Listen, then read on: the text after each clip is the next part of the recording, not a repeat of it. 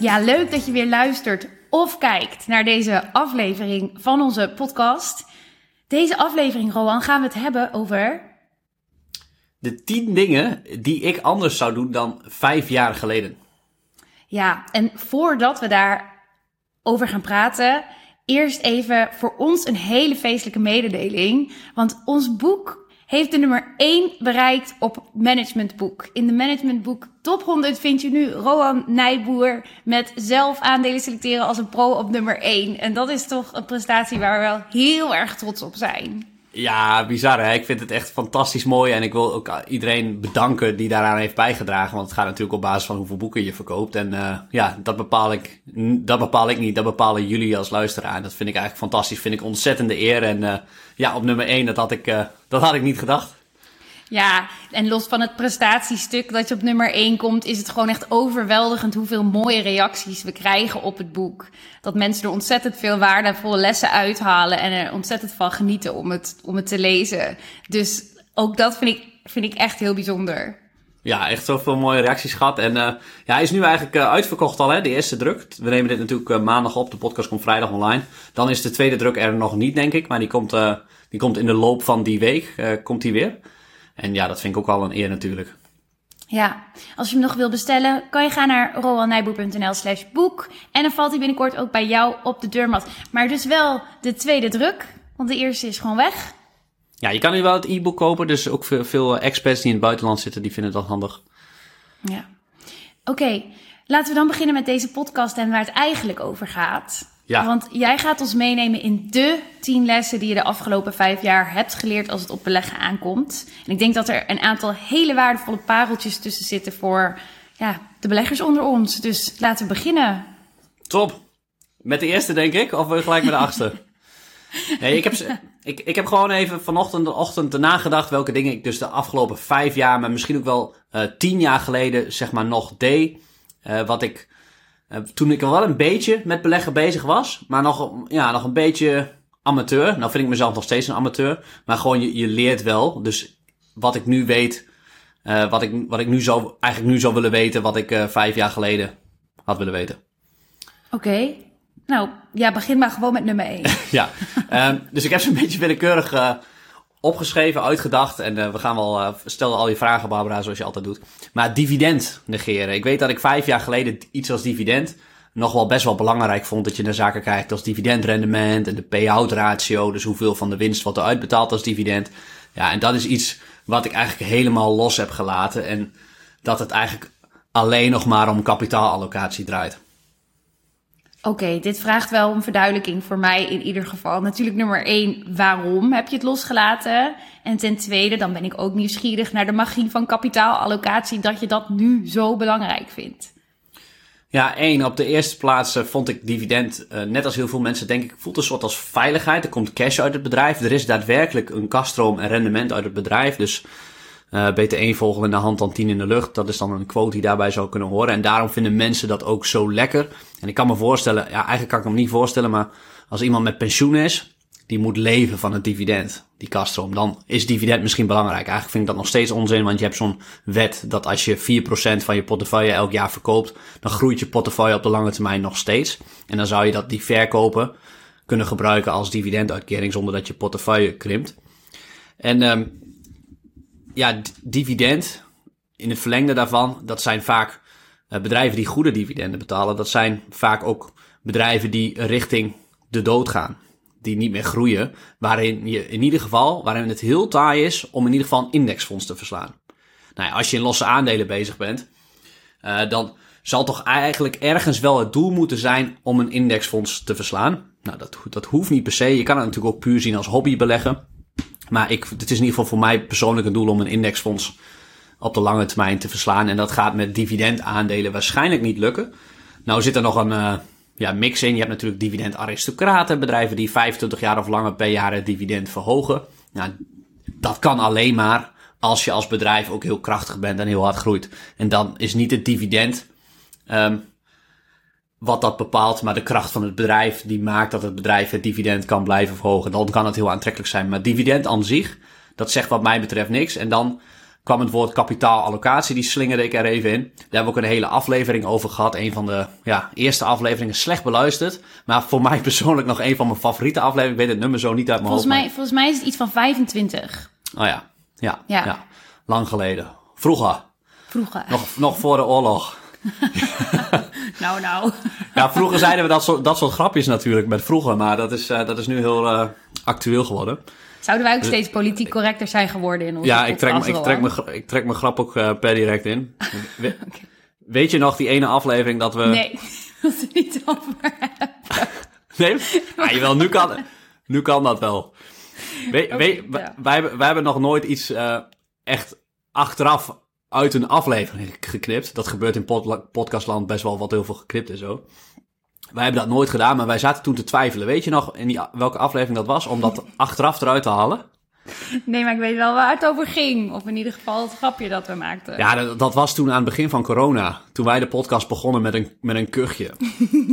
toen, toen, het, toen we dachten dat dat stelt niet zoveel voor. Dat is gewoon net als de Mexicaanse griep of een van de zoveelste epidemieën. En toen eh, dacht ik achteraf, ja, toen eh, heel veel mensen eh, daar toch wel heel ach, veel ach, last van kregen.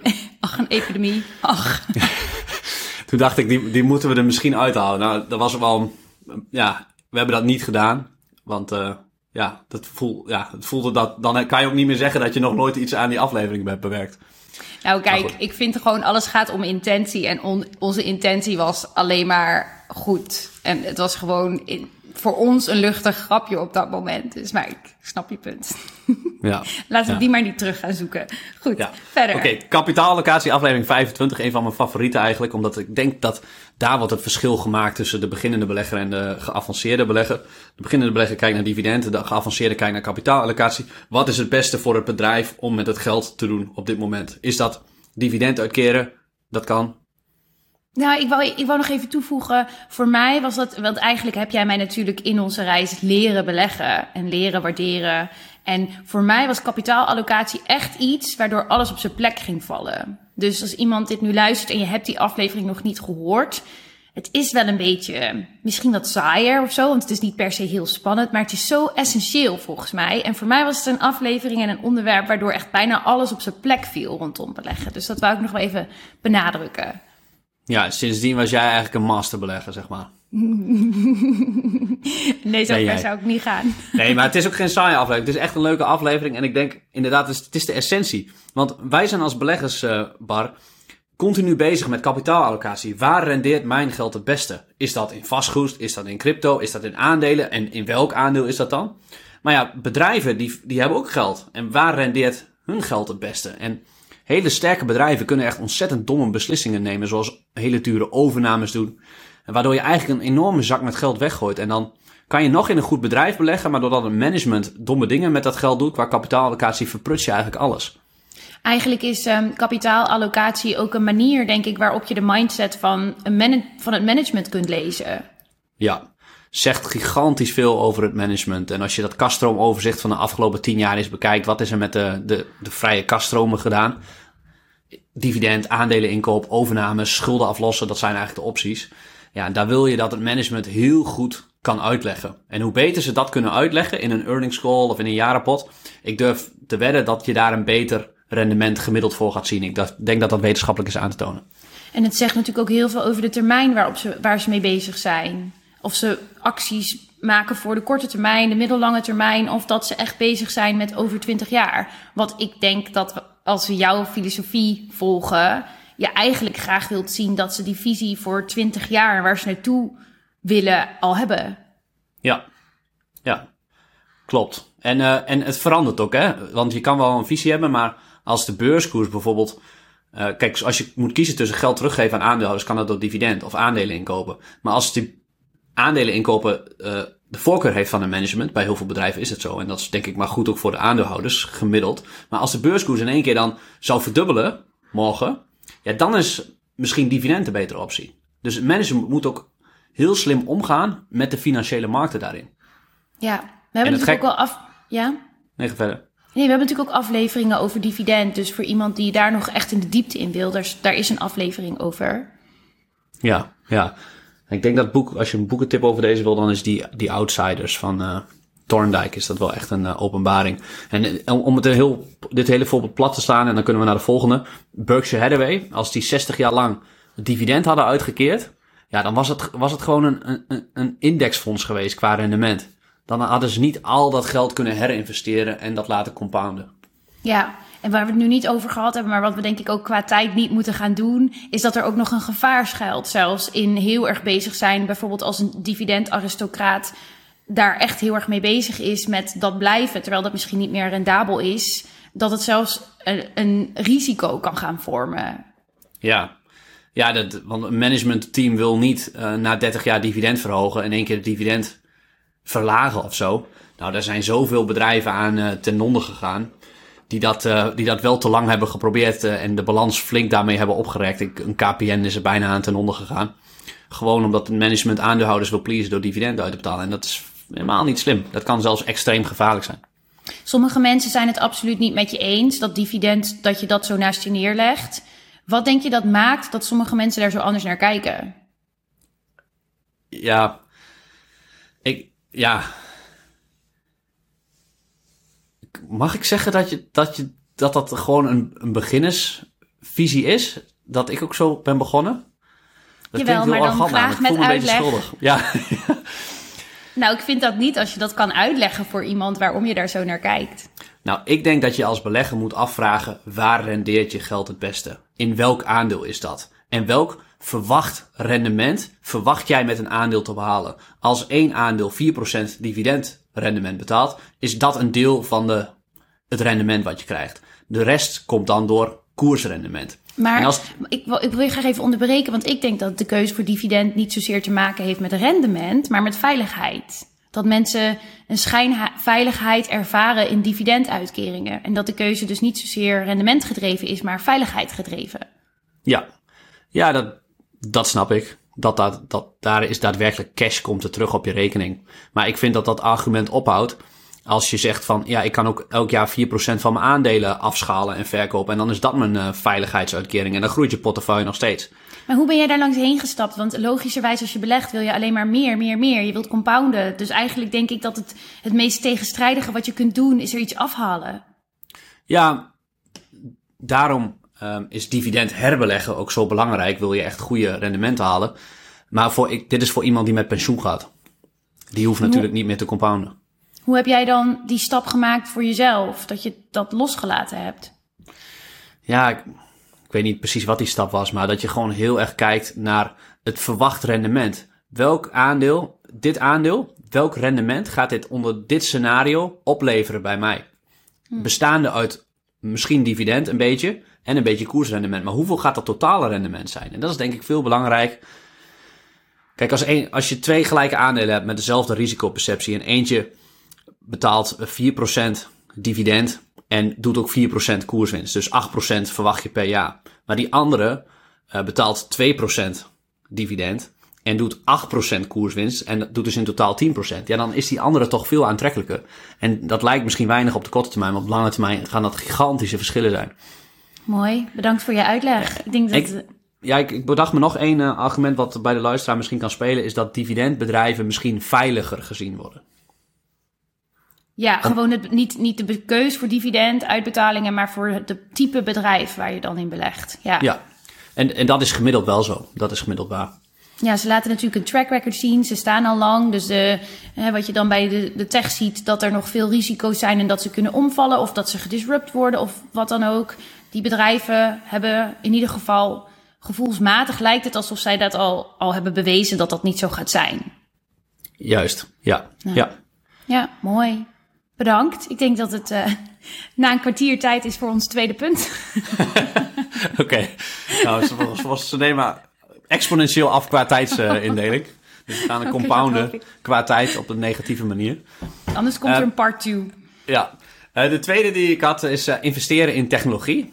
Ik heb nu heel veel technologieaandelen in mijn portefeuille. Alhoewel je natuurlijk kunt discussiëren wat is een technologieaandeel. Is een, is een boeking nou een reisbureau of is het een technologiebedrijf. Daar kun je denk ik heel lang over discussiëren. Maar in ieder geval, uh, ja, dat, dat had ik vijf jaar in veel mindere mate.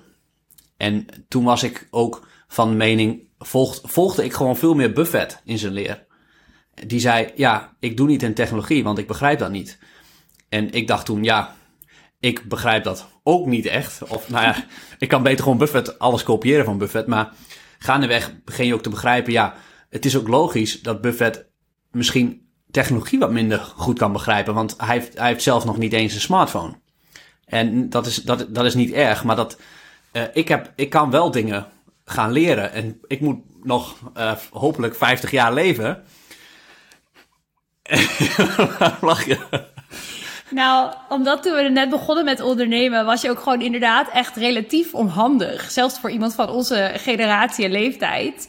Was je relatief onhandig met technologische dingen of, of de, de softwareprogramma's die wij gebruikten en zo. Dat was helemaal niet intuïtief voor jou. Dus dat vind ik gewoon heel grappig. Zeg maar, zelfs op onze leeftijdsgenoten liep je wel een beetje achter. Ja, ja. ja. Maar ik heb nu TikTok, dus nu leg ik weer een beetje voor, neem ik aan. ik vind dat je dan voor ligt, ja. Maar je ligt nog steeds achter op mij. ja, want je hebt al Be Real, of niet? Dat is de nieuwste rage. Nee, nee. Niet? Laat ik maar niet uh, nog meer verslavingen toevoegen. Oké, okay, oké. Okay. Nee, maar inderdaad, als je, als je nog 50 jaar te leven hebt, zoals ik, hopelijk, dan is het maar beter dat je die, waar de wereld heen gaat, dat je dat gaat leren. En uh, ja. als je dan dat gaat, gaat leren, dan. Uh, want, want heel vaak was het zo van die snelle groeibedrijven, dat zijn vaak technologiebedrijven, maar ze zijn niet winstgevend. Maar als je dan diep, wat dieper gaat kijken, dan kom je erachter dat die technologiebedrijven onderliggend heel extreem winstgevend zijn. Daar hebben we natuurlijk wel vaker over gehad. Uh, maar dat is gewoon ook een boekhoudkundig iets dat vroeger zet een bedrijf een fabriek neer en dat loopt dan via de balans. En niet zozeer via de resultaatrekening, omdat dat niet direct kosten zijn. Dat wordt over de jaren afgeschreven.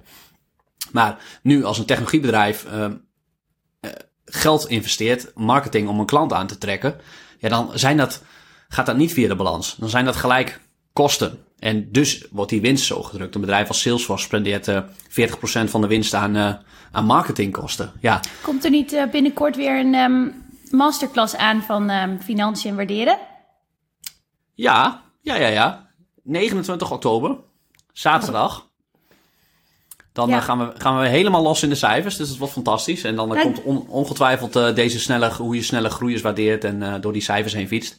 Ja, ik dacht misschien is het dit ook leuk om te laten zien hoe, je da, hoe die verschuiving heeft plaatsgevonden. Het boekhoudkundige stukje van tech wat je nu uh, benoemt. Oh ja, zeker. Want ik denk als je iets dieper in die cijfers gaat duiken, dat je echt een voorsprong kan pakken op andere beleggers. En, ja. het, en, en het, het, weet je wat het is? Mensen die beginnen met die cijfers in de jaarrekeningen en dergelijke, die raken verstrikt. Maar op een gegeven moment, als mensen daar wat langer induiken, zie je dat dat gaat leven. Dan ga je verbanden zien tussen de balans, de winst- en verliesrekening, het kastroomoverzicht. En dan, ja, dan wordt beleggen nog zoveel mooier. Je moet wel bereid zijn even door dat pijnlijke eerste stukje heen te gaan. Ja, want we gaan de hele dag bezig. Dus uh, voor de diehards. Oké, okay, we gaan verder. Link ja, is wel in de show notes te vinden. Ja, laten we naar de volgende gaan. Ja, ik gebruik nu ook een checklist. Ik weet van mezelf dat ik extreem chaotisch ben. Ik heb ook geen uh, hele uh, ja, geen hele boeken waarin ik alles noteer. Ik noteer wel heel veel, maar uh, ik heb gewoon nu een checklist. Ja, ja jij, weet, jij weet ja. hoeveel ik noteer. Nou, en ik weet ook hoe je het noteert. Ja, je weet, weet je nog toen ik in China op de muur allemaal van die grote A3'tjes had hangen. A3 is zeg maar dubbele A4 geloof ik. Of tussen A5. Nee, volgens mij is A3 groter hè. Maar boeit verder goed, niet. Goed. Grote posters aan de muur. Met alle ja, aandelen dan in het midden. En dan alles wat ik daarover wist. Dan opschrijven. Maar dat is natuurlijk niet, uh, niet slim. En uh, die, dat gauw, dat gauw, gauwisme, chaotisch, chaotisch in mijn hoofd. Gaoïsme noem ik het. dat is een nieuwe filosofische ja, stroming. Ja, ja, ja. maar dat, zo'n checklist helpt mij dan ontzettend om uh, mijn beperkingen in mijn brein te structureren. Ja, Waar en, ik overigens aan moest denken is dat jouw notitieblokje bestaat uit random woorden. En, en voor de mensen die heel netjes zijn onder ons gaat dit echt jeuken. Hij schrijft niet netjes op de regels of zet een bullet point ergens voor. Gewoon maar net waar zijn hand valt, daar noteert hij een woord. Daar snap je helemaal niks van. En dat resulteert dus in een soort pagina waar allemaal random woorden in verschillende pennen, in verschillende vormen, sommige klein, sommige groot, sommige linksom, rechtsom, op een pagina staan. En daar moet je dan wijs uit worden. Even voor beeldvorming van de luisteraar. Ja. Ja. ja. Ja. En ik moet zeggen dat ik het soms ook niet altijd zelf kan terugvertalen wat er nou precies staat. dus vandaar eh, die checklist met meer dan 120 checks om, eh, ja, deels om het structuur in te houden, want daar schrijf ik ook mijn argumenten op en de risico's en dergelijke. Gewoon digitaal, dan heb ik dat bij me, dan kan ik daar altijd naar terug als ik twijfel over een positie. Waarom heb ik dat ook alweer precies gedaan? En dat helpt me gewoon mijn beslissingen te rationaliseren. Ook al weet ik dat het nooit helemaal rationeel zal zijn, helpt het me gewoon of ik bijvoorbeeld overal wel aan gedacht heb in mijn onderzoek. En het helpt ook mooi om het over de tijd bij te houden. Want je kan dan zien, misschien als je een aandeel langer hebt, waar je drie jaar geleden hoe je gedachten over dat aandeel waren. En dan kun je met de tijd steeds blijven checken of je nog steeds op die manier naar het aandeel kijkt. Of dat je misschien een wezenlijke verschuiving ziet in de industrie of whatever waar ze in werken. Klopt. Ja, mooi. Volgende. Ja, Ehm, verwacht tegenslagen. Er komt weer een nieuwe crisis. Komt altijd uit een ander hoekje. Maar als je hem verwacht, ja, dan boeit het ook weer niet. Dan kan je hem, kan je hem ja, omarmen. Klinkt misschien wat eh, naar. Ik zie je ook een beetje kijken. Maar ja, het- is meer Nou, zo van... verwachten, verwachten klinkt ook snel alsof je het kan voorspellen. En daar zat hem even voor mij mijn denkwerk. Dat ik dacht, Ah, je weet, hè, net als met corona en de impact daarvan, ehm, ja, je weet het gewoon niet. nee. Dus wat is verwachten? Ja, ja. En je kan het voorspellen dat er een tegenslag komt, dat er een crisis komt. Maar je weet alleen dus niet wanneer en uit welk hoekje. En hoe ziet verwachten er dan uit volgens jou? Nou, gewoon. Ja, gewoon klinkt zo- is een containerbegrip. even woord vullen. Ehm, ja, hoe dat verwachten eruit ziet. Ik denk, Is het niet meer acceptatie bijna? ja, dat ja. Acceptatie dat het weer een keer slechter zal gaan en dat als een gegeven beschouwen? Ja, ja. En dan maakt het ook niet uit als het moment daar is. En misschien, is het gewoon een, misschien is het gewoon een soort van ervaring, dat heb ik niet per se geleerd of zo. Maar dat, dat, dat overkomt je als je meerdere van dit soort dingen hebt meegemaakt, ook waar we nu in zitten. Ja. Ja. Oké. Wat misschien nog een goede is, eh, nummer 5. En vier dan? Ja, dit was eh, vier al. Oh, god. Oké. Ja, we gaan het eh, turbo. We gaan het turbo. Ehm, ja, ik zou zeggen, dit heb ik denk ik van eh Moniz Pabrai geleerd. Dat je volatiliteit en risico uit elkaar trekt. Hebben ongetwijfeld wel een keer benoemd in, eh, in de podcasten. Maar dat zijn Ja. de, mo- de mooiste momenten. Ehm, want volatiliteit, even nog, dat is de bewegelijkheid van de beurs of van een aandeel. Hoeveel ga je op en neer? Eh, hoge vol- volatiliteit of lage volatiliteit. Nou, groeiaandelen hebben, gaan heel veel op en neer. Ehm, maar dat betekent niet dat dat per se ook hogere risicoaandelen zijn. En eh, ik zie volatiliteit misschien meer aan een soort van onzekerheid. Je weet niet wat er gebeurt op de korte termijn. We weten niet hoe diep de aankomende recessie wordt. We weten niet hoe lang de inflatie nog hoog blijft. Ehm, hoogst onzeker. Maar het risico voor mijn aandelen in mijn portefeuille voor de komende 10 jaar, dat die, dat die lager staan dan nu. Ook gecorrigeerd voor inflatie trouwens. Ja, dat is vrijwel nul. Ik, ik, wil, geen, ik wil geen beloftes doen, maar ehm, ja, dat, dat kan bijna niet. Dus het risico is gewoon, is gewoon prima. Maar nu komen er twee dingen bij mij op. Want dan wat je nu benoemt is eigenlijk volatiliteit van de markt als geheel. En wat je ook nog hebt is volatiliteit van een individueel aandeel. Ja, En Ja. daar kan wel wezenlijk verschil tussen zitten. klopt. Ik had het denk ik in het laatste vooral over de markt als geheel, als voorbeeld. En bij een bedrijf, ehm, ja, volgens mij schrijf ik in mijn boek over bijvoorbeeld Facebook, dat in 2018, daar hebben we het in de podcast trouwens ook wel eens over gehad, eh, in één keer met 35% daalde, het aandeel. En ja, het was hoogst onzeker, want er was een grote rechtszaak, rechtszaak van dat Cambridge Analytica.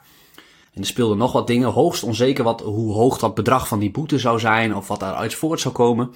Maar wat vrij niet, het is altijd een onzekerheid, maar dat of gebruikers gaan lopen of niet. En de gebruikers betalen natuurlijk eh, Facebook voor de advertenties. En ehm, ja, dus het risico was voor mij op dat moment heel laag. Nu is het denk ik, als je naar Facebook kijkt, eh, meta moeten we zeggen, is het iets anders. Ja, de vraag is nu, gaan gebruikers nu lopen naar TikTok? Nou, de gebruikers gaan misschien niet lopen, maar wel het aantal uren dat gebruikers erop zitten. Dat is natuurlijk ook een heel belangrijk voor de advertentieverkoop. Daar wordt nog wel eens anders naar gekeken. Dan zeggen ze, ja, alle gebruikers, gebruikersaantallen krimpen niet. Nee, dat klopt. Maar dan kijk je naar maandelijks actieve gebruikers. En het is afhankelijk van hoeveel uur iemand erop zit, hoe winstgevend ze zijn. Ja. En uh, ja, dus nu zou ik dat, die twee niet uit elkaar durven trekken. Onzekerheid en risico. 2018 wel voor Facebook. Maar nu is, uh, is de tijd veranderd. Ja, duidelijk. Ja, ja. Oké. Okay. Nou, top. Volgende punt. Oké. Okay. Um, optionaliteit. Optionaliteit, dat uh, als je nou van de klassieke waardebeleggersleer bent, geef je alles wat in de toekomst geeft, ligt eigenlijk geen waarde. Het is wat er nu verdiend wordt, uh, dit jaar, dat is eigenlijk het belangrijkste en je wil dat dat op peil blijft. Maar of die winsten ook kunnen gaan groeien, de optionaliteit en ook in een bedrijf de optionaliteit. Dit is weer Monique Spanbruid trouwens, die met de term spawners kwam. Dat er in een bedrijf, doordat ze heel veel zijn aan het experimenteren zijn, bijvoorbeeld Google met Google Bets en Amazon, wat daaruit is voortgekomen, dat je een cultuur bij zo'n bedrijf creëert van dat er continu kleine ballonnetjes worden opgelaten. En dat af en toe één zo'n klein ballonnetje een, uh, een zeppelin wordt of een luchtballon. Met gigantisch veel, met gigantisch winstgevend. Ik bedoel, uit Amazon, wat is daar naast de e-commerce tak waar ze mee begonnen zijn uitgekomen? Dat is AWS, uh, de advertentietak, uh, Amazon Prime Video.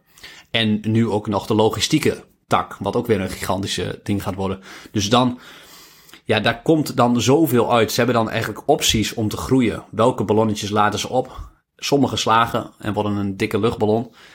Maar uh, dat heeft wel een soort van waarde. En als je het heel concreet maakt, dan, en bij Alphabet van Google, die spenderen 5 miljard per kwartaal, spoelen ze door het putje bij die Other Bets divisies. Om bijvoorbeeld de zelfrijdende auto te laten slagen. Nou, ik weet niet of dat gaat lukken. Dus de vraag is, hoe kun je daar nou waarde aan kennen? Want um, hoeveel is dat waard? Kijk, als je het in de waardering stopt, zou je die 5 miljard er eigenlijk een beetje uit kunnen filteren, wat dan weggegooid wordt. Want dat drukt natuurlijk de hele totale winst. Alleen, die kan je er wel uithalen. Um, want wat, wat er gaat gebeuren is of het wordt succesvol, iets, Waymo als voorbeeld, of niet. En dan gaan ze een keer stoppen. Dus dat geld verbranden stopt hoe dan ook een keer. Of het draait zich om en er wordt geld verdiend, of het geld wordt niet meer verbrand. En dat kost misschien wat jaren, maar dat gaat een keer keren en dat heeft een soort van waarde. Ja. Mm. Maar het is dus wel heel moeilijk om daar de juiste waarde aan te kennen. Want het is, voelt voor mij gewoon, ja, dat is 50-50. Het lukt of het lukt niet. Bij niet lukken is het eigenlijk hoog risico. Behalve bij een bedrijf zoals Amazon of Google, waar het gedragen kan worden door de winst. Waar het niet nou ja, uitmaakt of het lukt of niet lukt. Mm, bij kleinere bedrijven zou 5 miljard een hele hap zijn. En dan zou het eigenlijk als hoog risico gelden dat ze zoveel geld daarheen dragen. Dus. Ja, ja. ja en 5 miljard lijkt dan heel veel inderdaad, maar op alfabetniveau valt het wel mee. Ja, en je noemt nog, ja, het is 50-50, het lukt wel of het lukt niet, maar in werkelijkheid is het nog veel moeilijker dan dat jij het beschrijft, want we kunnen er geen percentage aan koppelen in hoe, hoe groot de slagingskans is dat het gaat lukken. Is dat 80%, is dat 20% of is dat 2%? Uh, dat kun je als buitenstaander bijna niet voorspellen. Je kan het natuurlijk wel zien als het iets verder is. Een AWS is natuurlijk al nu al heel volwassen. Um, dan kan je het gaan zien. Maar zolang het nog geen geld genereert, is het extreem moeilijk om te zien uh, wat zoiets waard is. En ja, ik, dat zou ik ook dan niet, daar niet aan koppelen. Nou zou je dat kunnen doen als er concurrerende gelijksoortige initiatieven zijn van concurrenten die al beursgenoteerd zijn en aandeelhouders daar een waarde aan kennen. Maar dat is, dan begeef je wel een beetje op glad ijs. Wat ik vooral zou doen is het eruit filteren, die kostenposten die ze daaraan besteden. En dan ervan uitgaan, vroeg of laat gaat dat of geen geld meer bloeden, of gaat het geld opleveren. In ieder geval Waar dat filter je het dan uit? Ja, uit bijvoorbeeld de waardering. Als je alfabet gaat waarderen op het totaal, dan zitten daar die 5 miljard verliezen per kwartaal, 20 miljard per jaar zitten daarin. Nou, als je die eruit filtert, wat maakt dan, als we die verliesgevende tak eruit zetten, wat is dan de koers-winstverhouding of een sum of the parts waardering, wat je dan ook bij alfabet geschikt vindt? Uh, wat is dat dan waard? Ja, dus dan neem je het echt gewoon niet mee. En nou ben ik nog wel nieuwsgierig. Stel nou, want Google is natuurlijk een heel bekend voorbeeld en groot. Ik kan me ook voorstellen dat eigenlijk moeten ook kleine bedrijven tegenwoordig wel ja, van die spawner-initiatieven uh, doen. Want anders word je snel, denk ik, gedisrupt of ben je niet relevant meer. Wij hebben het dan in onze training wel eens over die levenscyclus. En dat je die als bedrijf ja, toch op een gegeven moment misschien wel moet gaan verlengen. door weer in ieder geval bij te sturen of met iets nieuws te komen. zodat je relevant blijft als bedrijf. Is er dan ook een soort maximum wat je zou willen dat bedrijven besteden aan zulke other bets? Ja, want er is natuurlijk ook een keerzijde. Hè? Want je kan ook zeggen van. zeker als je wat kleiner bent, moet je het misschien niet doen dan loan focus. Ik bedoel, Shopify is denk ik zo succesvol geworden doordat het echt zich focuste op webshops voor e-commerce bedrijven. Terwijl al die dat andere. Dat zou je ook van Amazon kunnen zeggen. Ja, ja, ja. Maar Amazon werd op een gegeven moment zo groot, met zoveel omzet, dan ga je nadenken: oké, okay, uh, de groei gaat hier een keer uit zijn. Wij willen nog verder groeien, dus waar gaan we dat doen?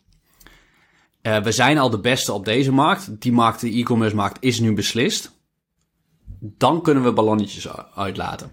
Dan de volgende vraag. Zou je dan zeggen, bedrijven moeten eerst focus hebben totdat ze inderdaad die over, je zegt wel eens volgens mij het uh, geld spuit tegen de plinten of zoiets. En totdat dat het geval is. En pas dan zou je willen dat ze zich op andere initiatieven gaan richten.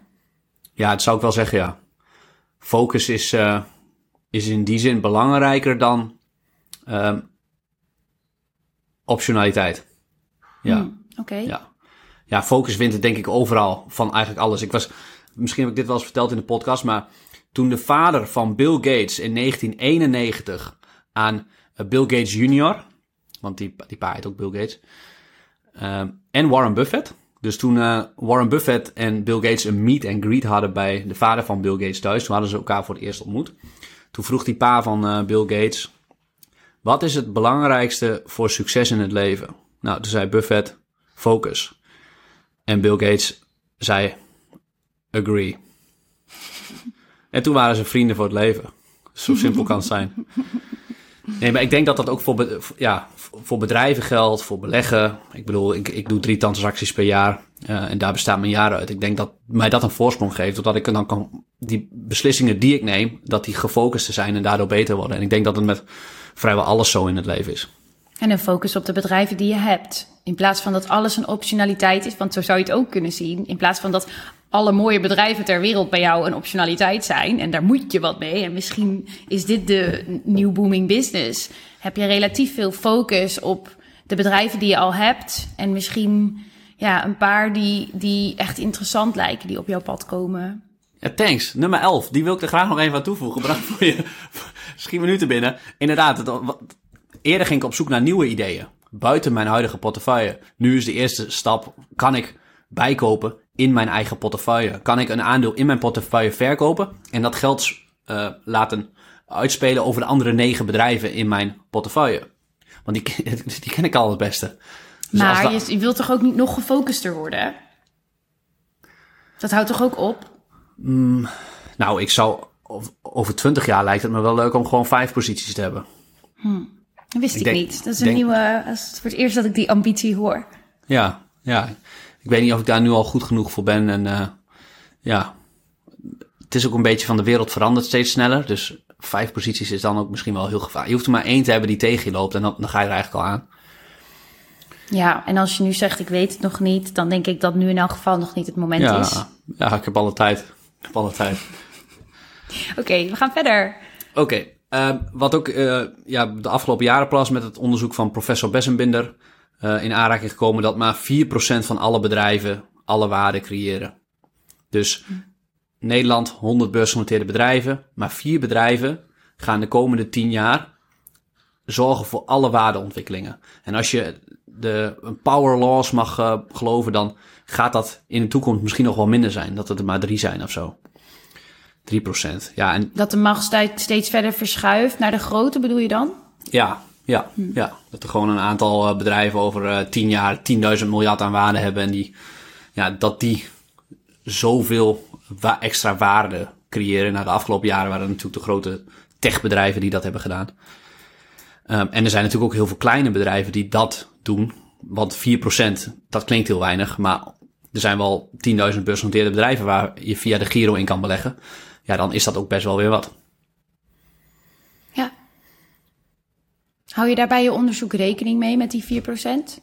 Ja, je kunt je natuurlijk afvragen, de vraag stellen, is dit, hoort dit bedrijf mogelijk bij die 4%? Dus dat, is denk, dat is denk ik wel een vraag waar ik onbewust rekening mee hou. Ehm, ja, want zo'n bedrijf moet in wezen de markt ruim kunnen verslaan. En dus daar hou je wel rekening mee. Maar ik weet wel zeker dat niet alle bedrijven in mijn portefeuille dat, gaan, dat gaat lukken.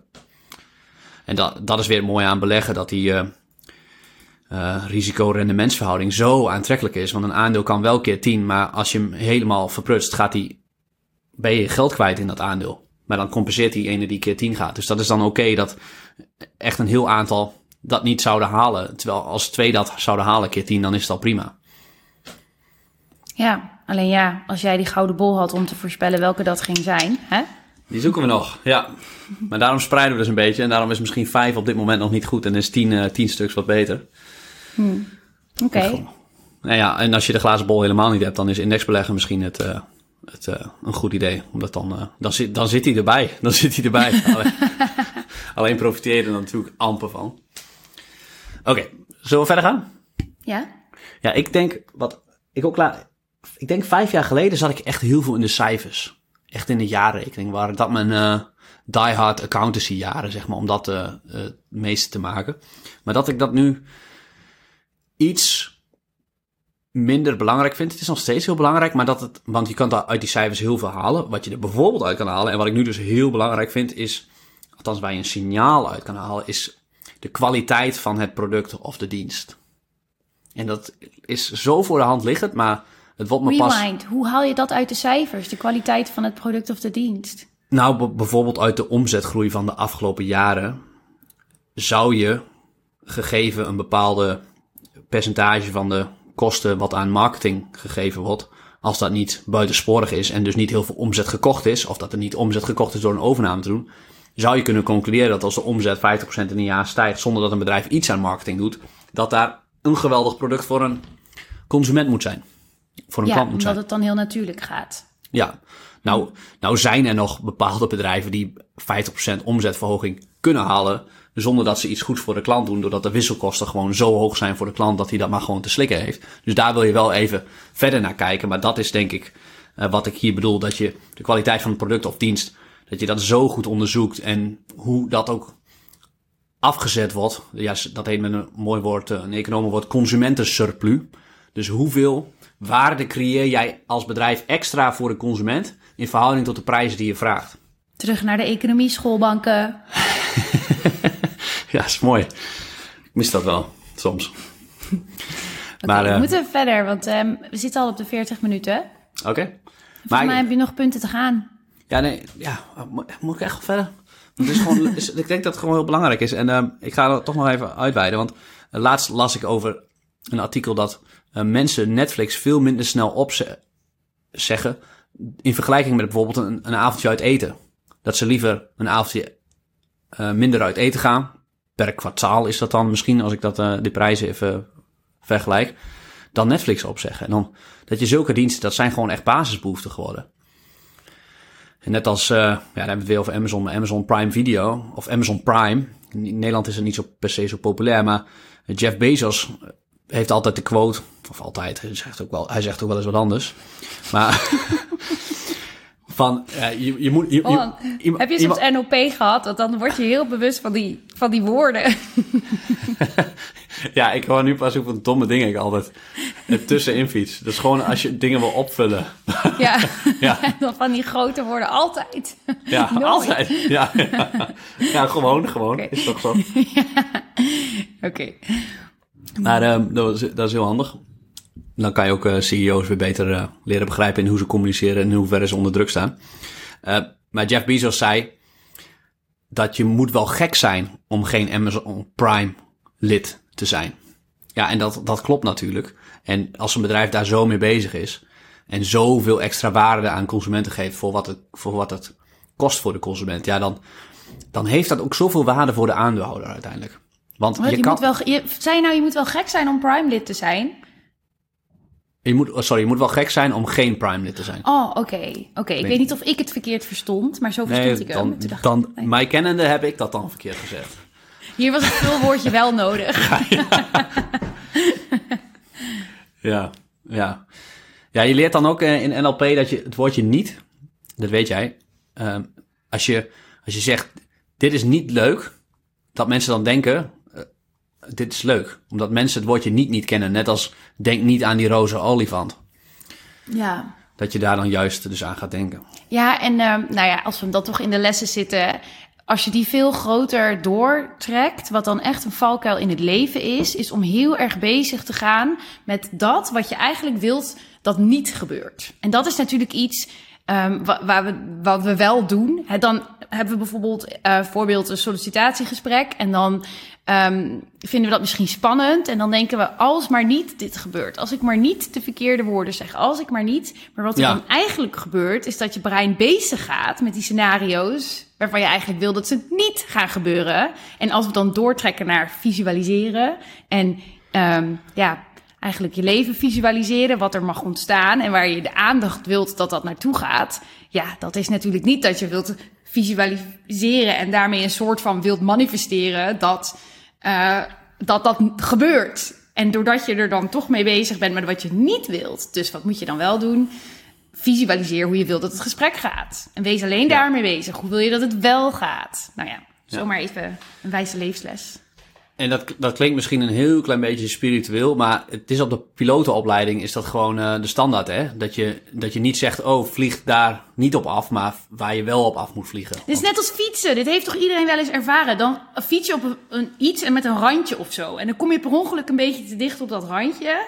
En dan denk je, oh, als ik nu maar niet eraf val. En omdat je dan zo bezig bent met niet, zeg maar, die afgrond insturen lukt het je niet meer om normaal terug de weg op te sturen. Dit kent toch iedereen wel? Ja, van te land in de lucht. ja, dus je kunt de winnaars al voorspellen die, dat, die gewoon op het doel afgaan. Maar, ja, of op niet-doelen. Ja, dat zijn de dat, die doen het voor de kijkers. Dat is voor ik het publiek. moet er omheen, ik moet er omheen, ik moet er niet op af. Ja. Bam. Ja, maar ik, ik zei laatst bij die presentatie van Confucius, die quote, die, die is hier toch ook aan gerelateerd van... Um, of nou de man zegt dat hij het kan, of de man zegt dat hij iets niet kan. Ja. Beide hebben gelijk. Beide hebben gelijk. Ja. Ja, en woorden zijn wat dat betreft zo ontzettend belangrijk in je leven. Hoe kies je te praten? Hoe kies je te praten over jezelf? Als je kiest te zeggen, ik ben niet iemand die dit kan, dan, heb je, dan ben je al Confucius, die, die het kan. Want je hebt alle mogelijkheden uitgesloten voor jezelf. En ik denk dat nummer één, als je iets wilt veranderen of anders wilt doen in je leven, is nummer één is gewoon in ieder geval de mogelijkheid in je woorden en in je denken gaan opnemen dat het kan. Dat je het kan. En dat is gewoon stap één. Ja, en mag je dan wel zeggen, ik kan dit nog niet? Nou, ik zou zeggen dat dat niet ideaal is om te denken. En ik zou dan persoonlijk toch gaan voor wat het meest effectief is. En dan lijkt nog niet mij nog altijd een minder goed alternatief dan ik ben het aan het leren. Of ik ben aan het onderzoeken hoe ik het kan doen. Of ik ben aan het bekijken hoe ik dit kan realiseren of bereiken. Dat lijkt me dan dus, ja. Ja. Ja. Ja, ja mooi. Damn, weer helemaal afgedwaald. Thanks. Nummer 9. Um, ehm, de moot. Vijf jaar geleden had ik natuurlijk genoeg boeken gelezen over de moot en competitieve voordeel. En ze staan ook wel in mijn boek. Um, maar aan zich heb je niet zoveel als bedrijf en belegger aan een moot. Het gaat om de richting van de moot. Oké, nieuwe dimensie. Die is ja. ook voor mij nieuw. Wordt die uh, sterker of juist zwakker? Hmm. En een voorbeeld wat maar dan, gelijk... maar dan is de veronderstelling dat er wel één is. Oh ja, ja, ja want anders, anders wil je er niet in beleggen. Oké, dus het is nog steeds wel belangrijk dat dat is niet veranderd. Het is nog steeds belangrijk dat er een moot is. Maar je wilt een stap verder gaan en dat is kijken welke richting de moot op beweegt. Oké. Ja, en je, zou, je zou zelfs kunnen zeggen dat hij er nu niet hoeft te zijn volgens de klassieke definitie van de verschillende type modes die er zijn. We hadden het laatste over acht verschillende type modes met de Jan Klein Poelhuis, dus ga die dan zeker luisteren. Als een van die acht er nog niet is, maar jij kan voorzien dat die in de maak is. Op een gegeven moment kan dat. Uh, ja, dan is dat misschien een waarschijnlijk hele, hele aantrekkelijke sweet spot om uh, in te beleggen. Want dan hebben beleggers dat dus nog niet ontdekt. Want ik bedoel, iedereen kan zien dat uh, een Microsoft een mode heeft. Dus dat maakt een deel Ik ben wel nieuwsgierig hoe je hier naar kijkt in het kader van wat doe ik anders dan vijf jaar geleden. Het klinkt natuurlijk best wel. arrogant is niet helemaal het goede woord, maar laten we het wel even gebruiken. Om, arrogant om te gaan zeggen: ik kan een moot voorspellen. Ik bedoel, Ja, is, is moeilijk. Is moeilijk. En om te zeggen: ik weet het beter dan een andere belegger. Kom je ooit op dat punt waarop je durft te zeggen: ik weet het beter dan een andere belegger?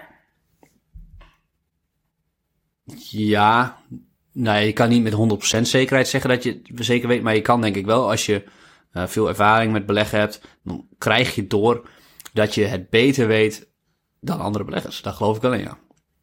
Want hoe En- weet jij wanneer je het beter weet? Ehm, na heel veel onderzoek. Want dat is ook een van de regels die ik heb in die checklist en dergelijke. En wat weet ik dat andere beleggers niet weten? En dan is dat per bedrijf verschillend. En ja, er zijn wel, er zijn van allerlei soorten voorsprongen te behalen. Daar hebben we ook een keer podcast. We hebben zoveel podcasts al gehad.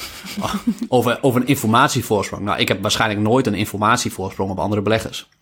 Waarschijnlijk zit het hem in ehm, het begrijpen en filteren van die informatie. Dat ik, denk ik, er goed kan uitpikken wat er echt toe doet. En dat zijn vaak maar drie dingen bij elk bedrijf. Drie kerncriteria die je zo goed door wil hebben.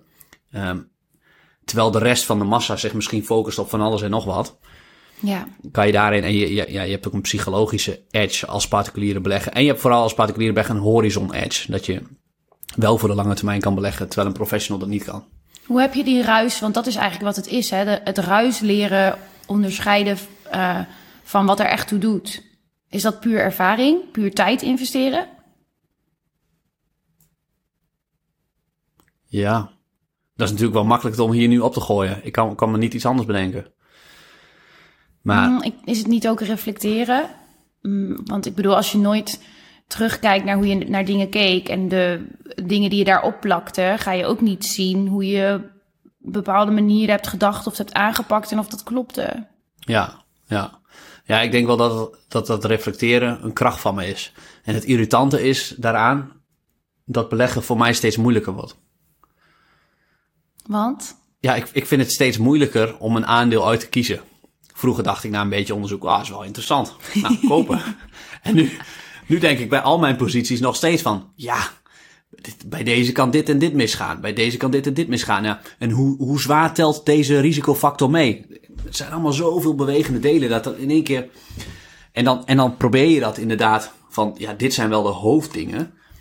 Maar ook die hoofddingen, daar is heel moeilijk om precies een kansberekening aan eh, te geven bij dat risico. Hoe groot is de kans dat dit risico zich gaat, ehm, gaat plaatsvinden? Ja, je geeft er dan een soort weging aan mee. Maar ja, dat heeft natuurlijk wel een gehalte van. Ik bedenk nu zelf de weging die ik aan dat risico meegeef. Want eigenlijk kun je het nooit helemaal zeker weten. Nee, nee. Kijk, poker kan je perfect in kansberekeningen doen. Dat is gewoon een heel met. Daar zijn de uitkomsten beperkt. En bij beleggen zijn de uitkomsten eigenlijk onbeperkt. En dat Ja. maakt dat een precieze kansberekening niet te doen is. Niet te doen is. Je wil, je wil wel in een soort van kansberekeningsmodel denken van, oh ja, de kans is eigenlijk maar 5% dat het risico uitkomt. En als het dan bij al- alle bedrijven in je portefeuille maar het grootste risico maar 5% is, ja, dan lijkt me dat een goede deal. Want bij één van die bedrijven in je portefeuille komt het dan misschien uit. En de rest niet. En dan ga je het, ga je het supergoed doen. Maar ja, dus je, je wil dat kansberekeningsmodel wel een beetje in je hoofd hebben. Maar de precies, precies, het precieze percentage van de kans is, ehm, ja, daar zit, zit een grote variatie in. Ik bedenk nu dat het eigenlijk heel grappig is dat beleggen, denk ik, aantrekkelijk lijkt voor een ehm, rationeel iemand. Want die, die wordt, denk ik, verleid door het feit dat het lijkt alsof je vooral met feiten en kennis en concrete informatie bezig bent. Terwijl als je dan gaat kijken naar wat er eigenlijk gebeurt, het eigenlijk juist niet volkomen rationeel is. Want in die zin is de markt niet rationeel en gebeurtenissen zoals het coronavirus zijn niet rationeel. Dus Ehm, ja, een heel rationeel iemand zou ook best gefrustreerd kunnen raken door de irrationaliteit van de uiteindelijke uitkomsten. Ja. Ja, ja, die wordt helemaal gek. Ja. Oké, we hebben nog een laatste Ja. punt. Je zover? Eh, Daar kunnen we nog wel, inderdaad, kan ik nog wel een uur over discussiëren. Ehm, ja, ik, ehm, waar ik achter ben gekomen dat beleggen moet passen bij mijn leven, dat ik leid. En dat je daardoor, dat ik daardoor nu meer op compounders uitkom. Omdat het ook mij een leuk leven geeft. En dat ik niet meer naar de... We hebben laatst een aflevering van Net Nets gehad. Met uh, Joost. Dat was, dat was fantastisch en dat werkte heel goed voor hem. Ik zou ook zeker die aflevering gaan luisteren, want er zitten heel veel lessen in. Die was uh, twee afleveringen geleden. Maar uh, dat, dat is niet wat bij mij past. Want dan betekent dat ik continu op zoek moet naar nieuwe ideeën. En dat maakt het heel erg arbeidsintensief. Terwijl ik gewoon het liefst de mooiste bedrijven ter wereld wil bestuderen. En de net-nets, dat zijn zeg maar de lelijkste bedrijven ter wereld. En ik snap heel goed dat dat heel aantrekkelijk kan zijn. Um, maar ik kan me dan voorstellen dan, dat ik dan op termijn misschien mijn passie zou verliezen. Nou, dat, denk ik niet voor beleggen, maar uh, dat dat... Uh, dat, ik denk dat dat voor veel mensen wel geldt. Dat als je ja, dan zit je er ook alleen maar voor het geld in. En terwijl je, wat ik doe, dat vind ik veel geweldig. Je, je bestudeert de beste bedrijven ter wereld.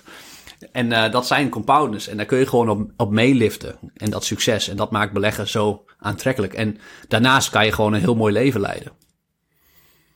Ja, dus eigenlijk, mm, ja, dat geldt dan voor jou. Want ook deze keuze hoeft natuurlijk niet voor iedereen zo te liggen. Er kan nee. ook iemand zijn die vindt dat net net juist aantrekkelijker of rationeler, waar we het net over hadden, of wat dan ook. Ja. En dan gaat het dus over ook goed jezelf leren kennen en leren begrijpen wat aan beleggen vind je zo leuk. En dat mag een eigen vorm hebben. Dus ook niet iedereen die dit luistert hoeft uiteindelijk er naar te streven om te gaan beleggen zoals jij dat doet. Want dat hoeft helemaal niet een vorm te zijn waarin dat voor diegene het leukste is. Ja, ja, ja, daarin aanvulling ken jezelf. Want als je jezelf niet kent, dan is de beurs een hele dure plek om uh, jezelf te leren kennen. Hmm, ja, mooi. Heel mooi. Ja. nou, ik denk dat dat mooie wijsheid is om bij af te sluiten zelfs. Ja. Even kijken. Is het alweer... Het is tijd al, hè? Oh, het is al lang tijd. Oh, al lang tijd. Ze moeten weer veel te lang naar ons luisteren. Ja, voor, deze week staat er ook weer een uh, nieuwe deep dive over Microsoft klaar voor de leden. Dus... Uh, best wel afgekomen. Hè? Microsoft, net als alle bedrijven. De vraag is, is daar ook daadwerkelijk iets aan de hand? Nou, daar kun je denk ik grote vraagtekens bij stellen. Dus uh, daar duik ik met uh, Jan Klein Poelhuis weer in. En dan gaan we weer een uur daarover praten. En dan, uh, daar heb ik heel veel zin in. Geweldig. En als je dus nog niet lid bent, dan, is het, dan kun je naar rolnijboer.nl slash lidmaatschap gaan. En dan krijg je ook toegang tot Microsoft, maar ook alle andere mooie aandelen die je het afgelopen jaar hebt uitgebreid hebt geanalyseerd. Zeker. Dat was en... hem voor nu. Yes, oh. Barbara bedankt. Luisteraar, kijker, heel erg bedankt voor het luisteren. Ik vind dat echt elke keer weer. Vind je dit geen eer dat mensen dan uh, luisteren en misschien zelfs tot hier halen? Ja, ja dat vind ik wel. Uh, geef ons even een shout-out als je het tot hier hebt gehaald. zijn we gewoon trots. ja, ik, ik vind het wel grappig, hè, want wij zetten deze tegenwoordig ook op YouTube. En uh, als je ziet hoe, hoe ver uh, video's of audio geluisterd wordt. Audio wordt bijna altijd 80% afgeluisterd door gemiddeld. Dat vind ik echt vind ik schrikbarend veel. Dat betekent dat bijna iedereen hem gewoon helemaal afluistert. Alleen uh, op YouTube is dat, is dat volgens mij een fractie van dat. Ja, wie heeft er ook zo lang aandacht voor zo'n scherm? Maar, ja, dat komt denk ik door mijn hoofd misschien. Dat mensen dan op een gegeven moment uh, bij YouTube wegklikken. Zullen we eens kijken of statistisch de afleveringen met mij beter beluisterd worden? Ja. Oké, okay, we gaan nu echt uh, stoppen. Ja. Als je het leuk vindt, uh, kan je op Spotify kan je een, uh, een rating geven, een sterretje of, of vijf zou het leukste zijn. En dan kunnen wij meer mensen bereiken. Maar in ieder geval heel erg bedankt voor het luisteren of kijken. Vind ik hartstikke leuk. Tot de volgende keer. Tot de volgende keer.